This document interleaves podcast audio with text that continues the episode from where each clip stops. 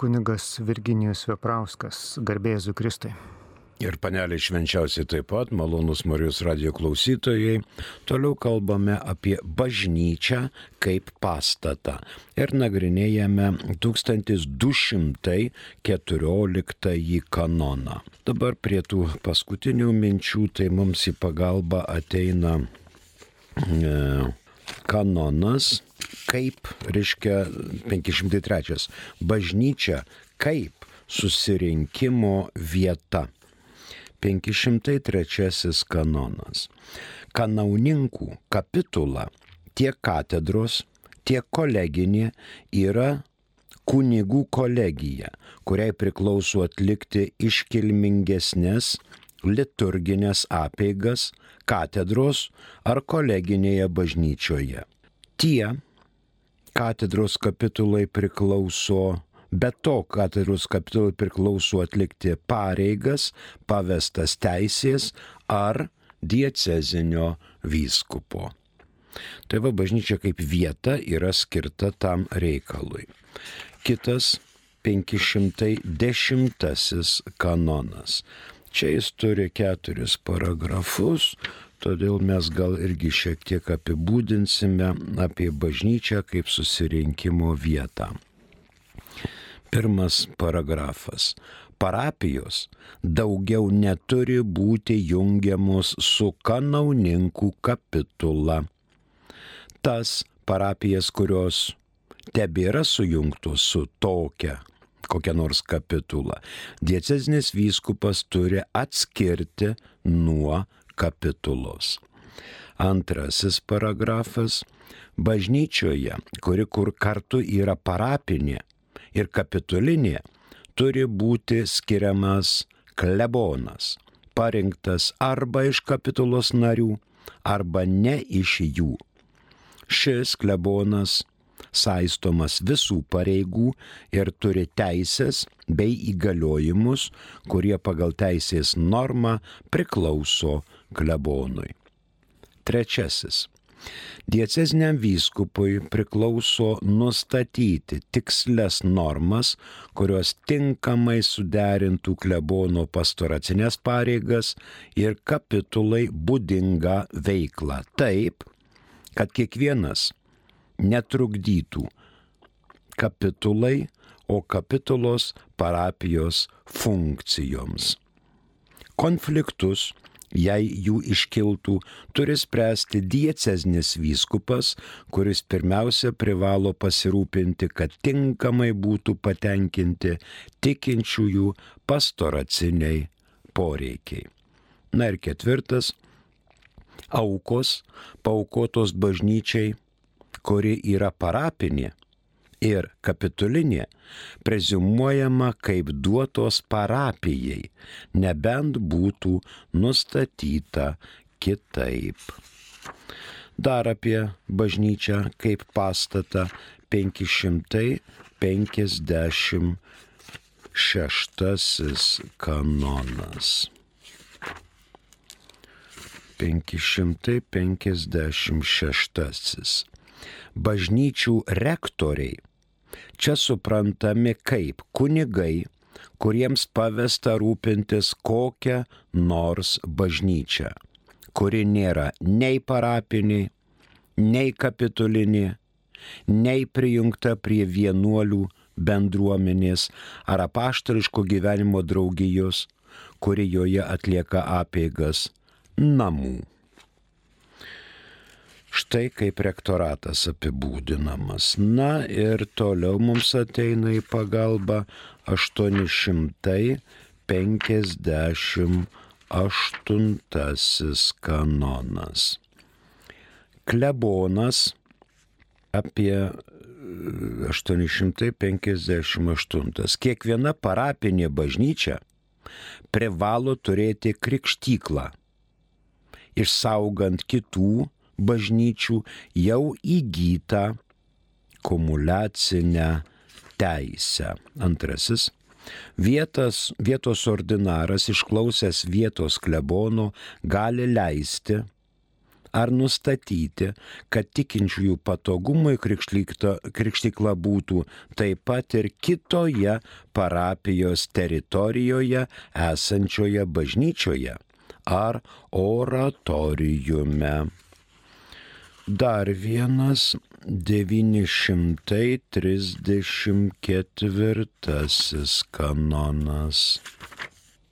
934 apie švenčiausiąją Eucharistiją laikoma bažnyčioje. Trys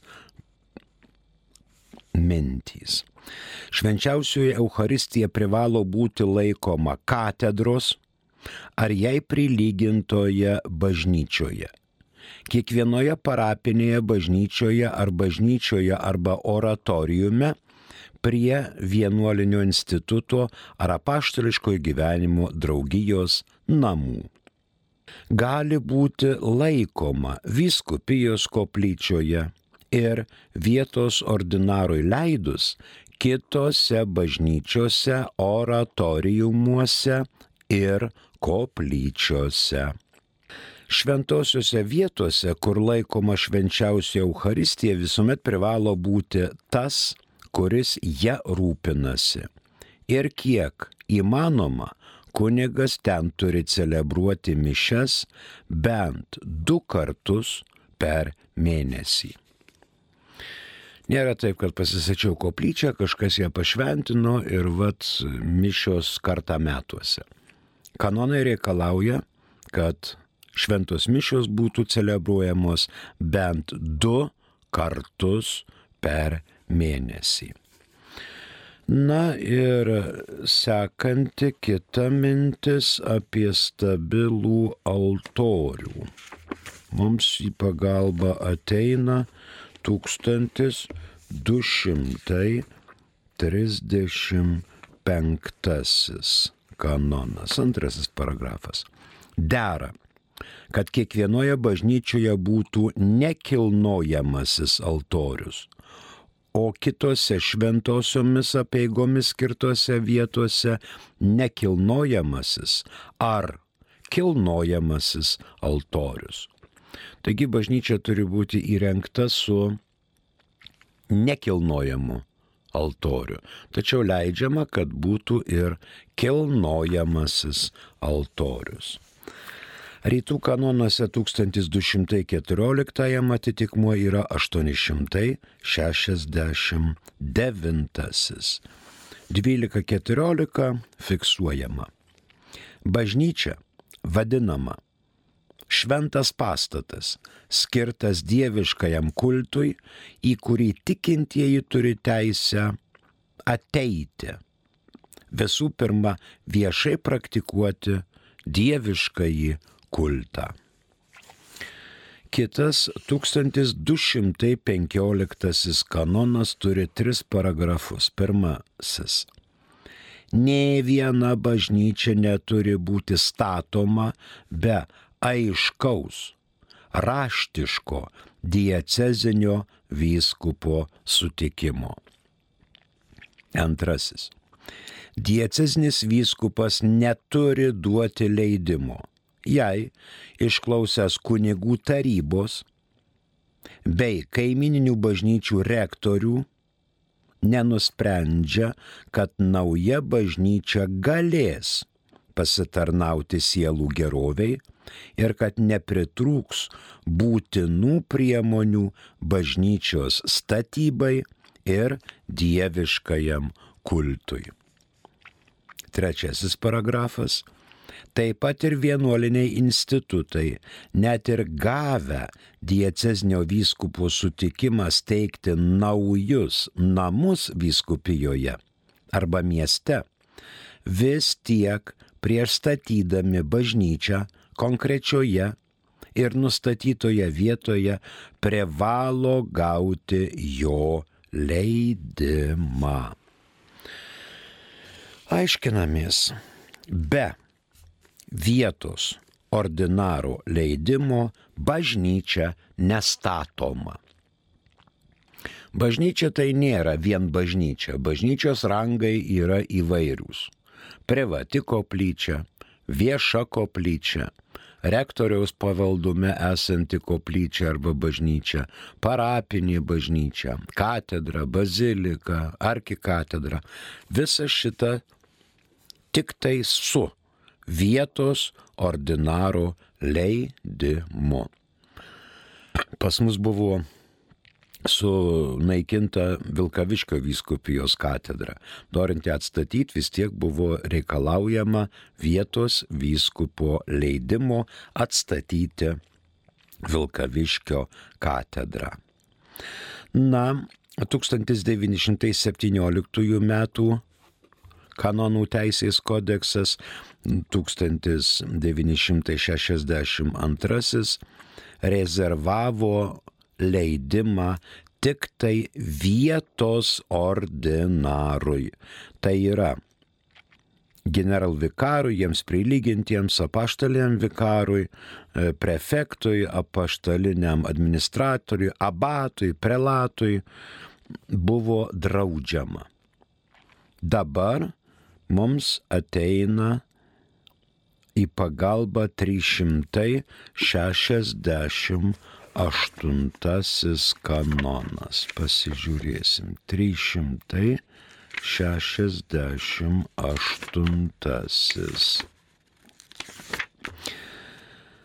Dalinės bažnyčios, kurioje yra ir iš kurių susideda viena ir vienintelė katalikų bažnyčia visų pirma yra vyskupijos kurioms, jei nėra nustatyta kitaip, prilyginama teritorinė prelatūra, teritorinė abatija, apaštalinis vikariatas ir apaštalinė prefektūra. Ir pastoviai įsteigta apaštalinė administratūra. Tai va, vie, anksčiau 17 metų kodekse buvo rezervuota vietos ordinarui, o dabar išplėstas reikalas į visus šitus išvardintuosius apaštalinius vikarus, prefektus ir taip toliau. Dar galime žvilgterėti į 370. Teritorinė prelatūra arba teritorinė abatija yra konkreti teritorija, apibriešta Dievo tautos dalis, kuria rūpintis dėl ypatingų aplinkybių yra pavesta prelatui arba abatui, kuris, būdamas savas jos ganytojas, ją valdo kaip diecezinis vyskupas. Tai va šitas ganytojas gali drąsiai steigti bažnyčias dekretu. Na, žiūrėkim į 371 kanoną, ką jis mums.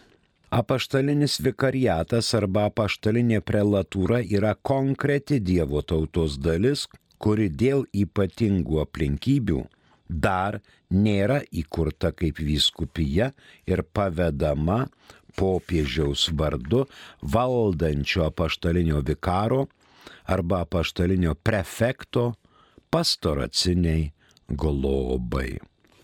Dar 381 kanonas. Diecezinis vyskup, dieceziniam vyskupui jam patikėtoje vyskupijoje priklauso visa ordinarinė, sava ir betarpiška gale reikalinga vykdyti jo pastoracinės pareigas, išskyrus atvejus pagal teisę ar popiežiaus dekretu rezervuotus aukščiausiai ar kitai bažnytiniai valdžiai. Antrasis. Vadovaujantieji kitoms tikinčiųjų bendruomenėms minimoms 368 kanone teisėje prilyginami diecezniam vyskupui, nebent pagal dalyko prigimtį ar teisės potvarkį būtų aišku, kad yra kitaip. Na, žinoma, generalvikarai ir vyskupo vikarai, jeigu gauna pavedimą iš vietos ordinaro, gali leisti statyti bažnyčią. Šiaip tai jau yra vietos vyskupo vardu viskas daroma. Bet jeigu vyskupas sako generalvikarui, imk ir duok leidimą, tą daro raštiškai, tada vyskupo vikaras arba generalinis vikaras tą daro. O tie administratoriai, kurie tik buvo išvardinti, jie jau turi savoją teisę steigti bažnyčias arba koplyčias. Kita mintis prie 1215 kanono. Tiek fiziniai, tiek juridiniai asmenys turi gauti vietos vyskupo raštišką leidimą, kurio, kurį turėti reikia prieš imantis statyti bet kokį pastatą, koplyčią ar bažnyčią. Jei vienuolynas nori gauti, vyskupas gali skirti jau pastatytą bažnyčią vienuolynui jau pastatyta. Pavyzdžiui, pagal teisingumą buvo pastatyta Kaune Karmelitų bažnyčia, kuri taip ir vadinosi, ilgą laiką ją aptarnavo diecezniai kunigai, o dabar vietos vyskupas šitą bažnyčią gražino Karmelitų ordinui. Tai vad jinai jau buvo pastatyta ir ją pavedė toliau valdyti karmelitų kunigams. Bet jeigu vienuolyje nori teritorijoje statyti koplyčią arba bažnyčią, be leidimo nevalia statyti. Turi gauti vietos vyskupo raštišką leidimą. Į pagalbą ateina 608 kanonas. Vienuolinė bendruomenė privalo gyventi teisėtai įsteigtuose namuose, vadovaujant pagal teisės normas pastora, paskirtam vyresniajam. Atskiri namai privalo turėti bent oratoriumą, kuriame celebruojama ir saugoma Euharistija, kad tikrai būtų bendruomenės centras. Na ir 611 dieceznio vyskupo sutikimas įsteigti bet kokio instituto vienuolius, vienuolinius namus suteikia teisę tvarkyti gyvenimą pagal instituto pobūdį ir savus tikslus. Pagal teisės normą vykdyti institutui būdingą veiklą, nepažeidžiant sąlygų išdėstytų sutikime. Dvasininkų institutas institutams turėti bažnyčią, liekant galioti 1215 kanono trečiajam paragrafui, tai nuostatai ir vykdyti šventąją tarnystę, laikantis teisės nustatytų reikalavimų. Tai yra 1611 kanonas. Ir dabar pagal 1215 leidimas statybai turi būti aiškus. Ta reglamentavo 17 metų teisės kodekso 1161 kanonas galim pasižiūrėti į 1215. Nei viena bažnyčia neturi būti statoma be aiškaus, raštiško diecezinio vyskupo sutikimo. Be aiškaus, raštiško. Mūsų pasiekė esama žinutė, prašau. Trumpas klausimas. Atleidžiama kunigams verslauti? Kunigams verslauti draudžiama, nebent tą leistų vietos ordinaras. Arba vyskupas, arba ordinaras, kuriam tas kunigas yra pavaldus. Gali vyskupas leisti.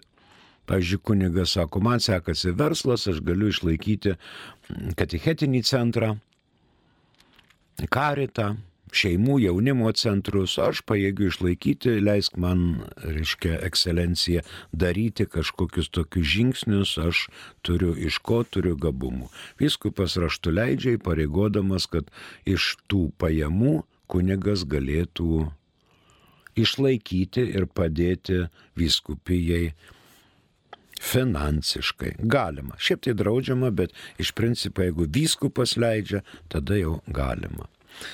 Ačiū už klausimą. Toliau aiškinamės 1215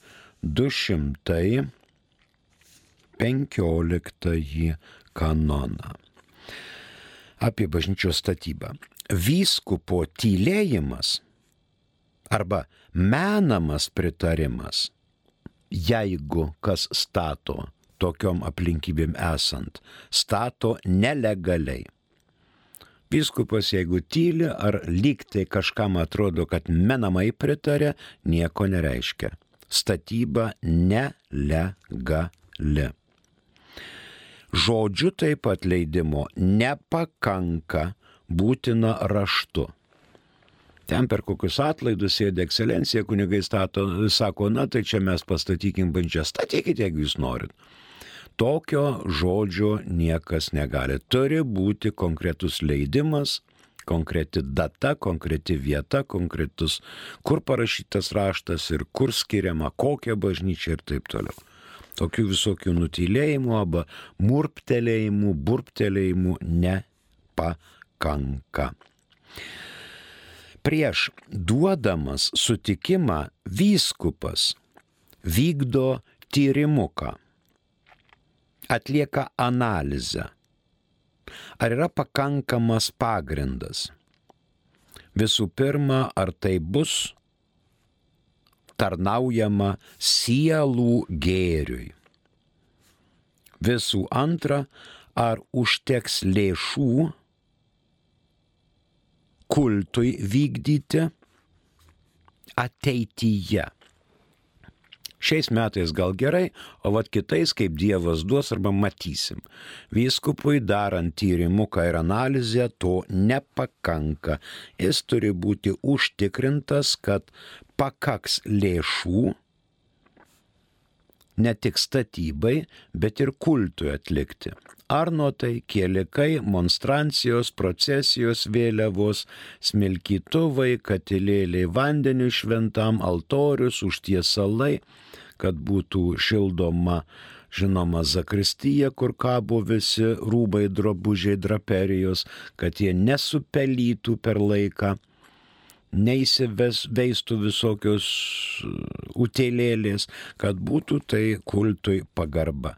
Kol vyskupas neįsitikino, netliko analizės ir tyrimuko, tol jisai tokio leidimo neduoda.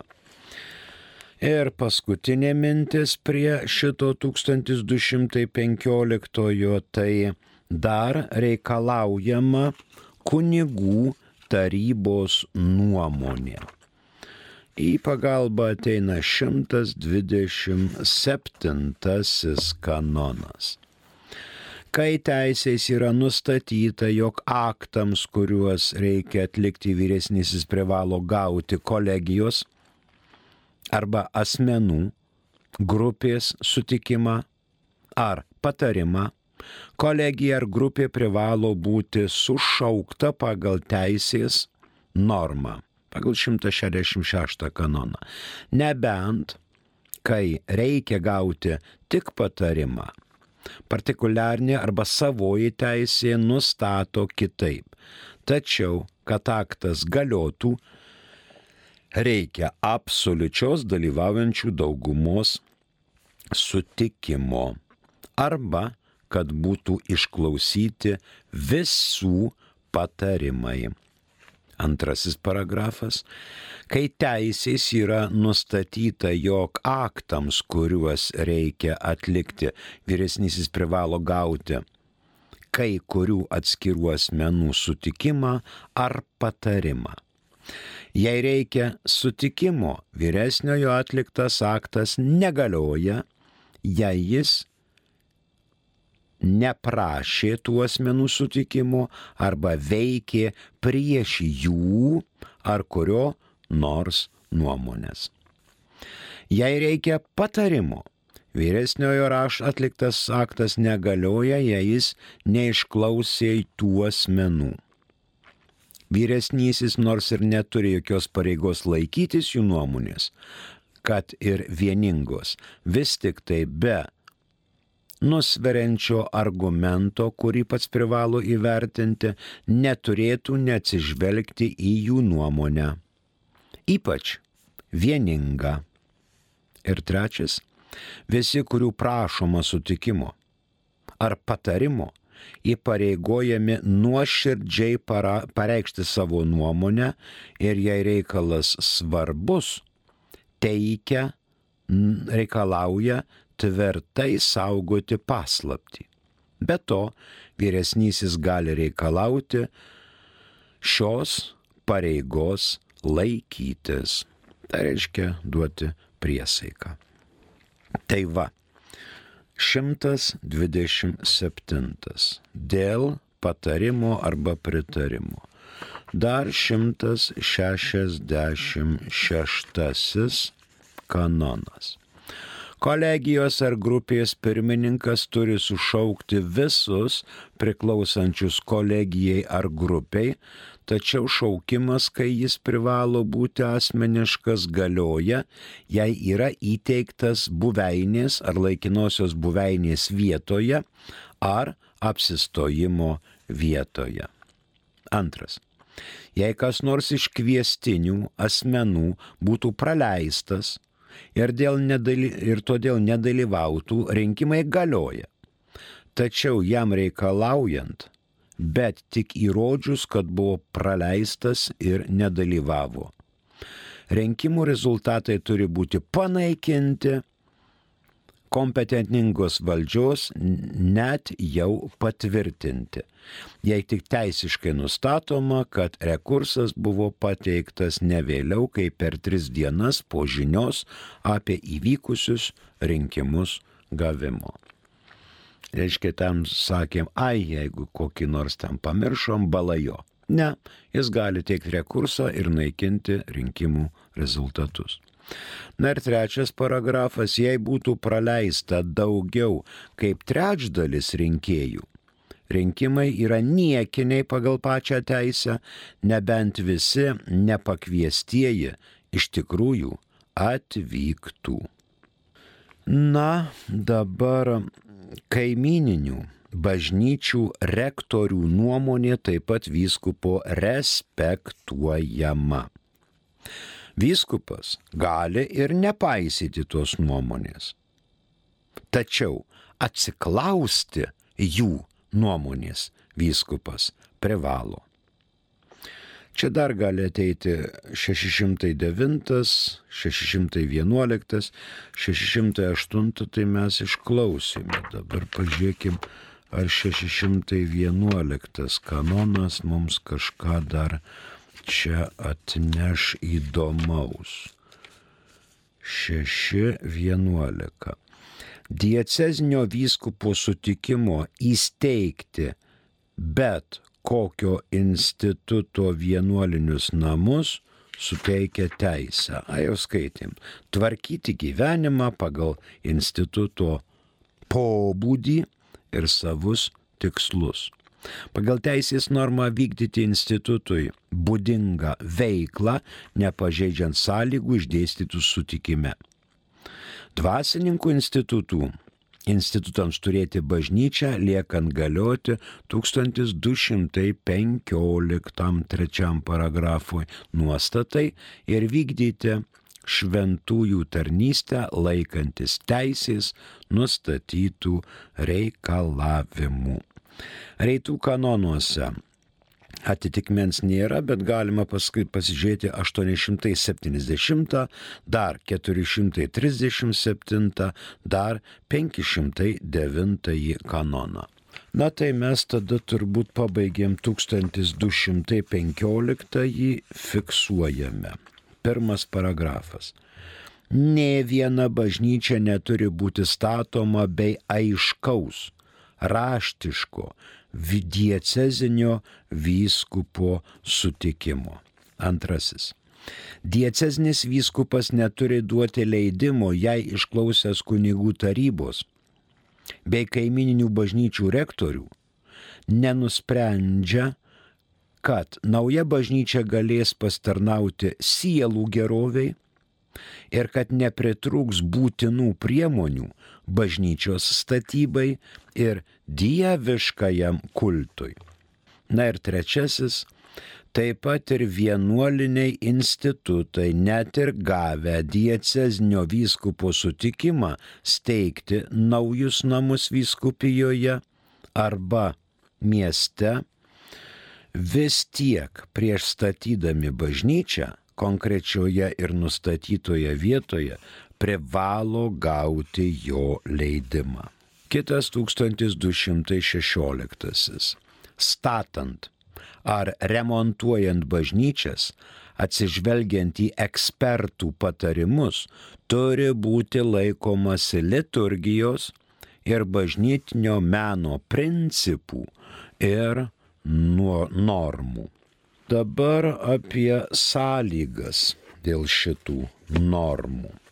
Šitas kanonas apibrėžia sąlygas dėl remontų ar bažnyčios statybų, statymų kurių reikia laikytis ne vien vyskupui, bet ir kitiems suinteresuotiesiems. Pirma mintis. Specialistų nuomonė pirmiausia liturginio meno ir meno ekspertai, kurio, kurių nuomonės privalo būti laikomasi ir komisijos turi bū, privalo būti įsteigtos vyskupijoje.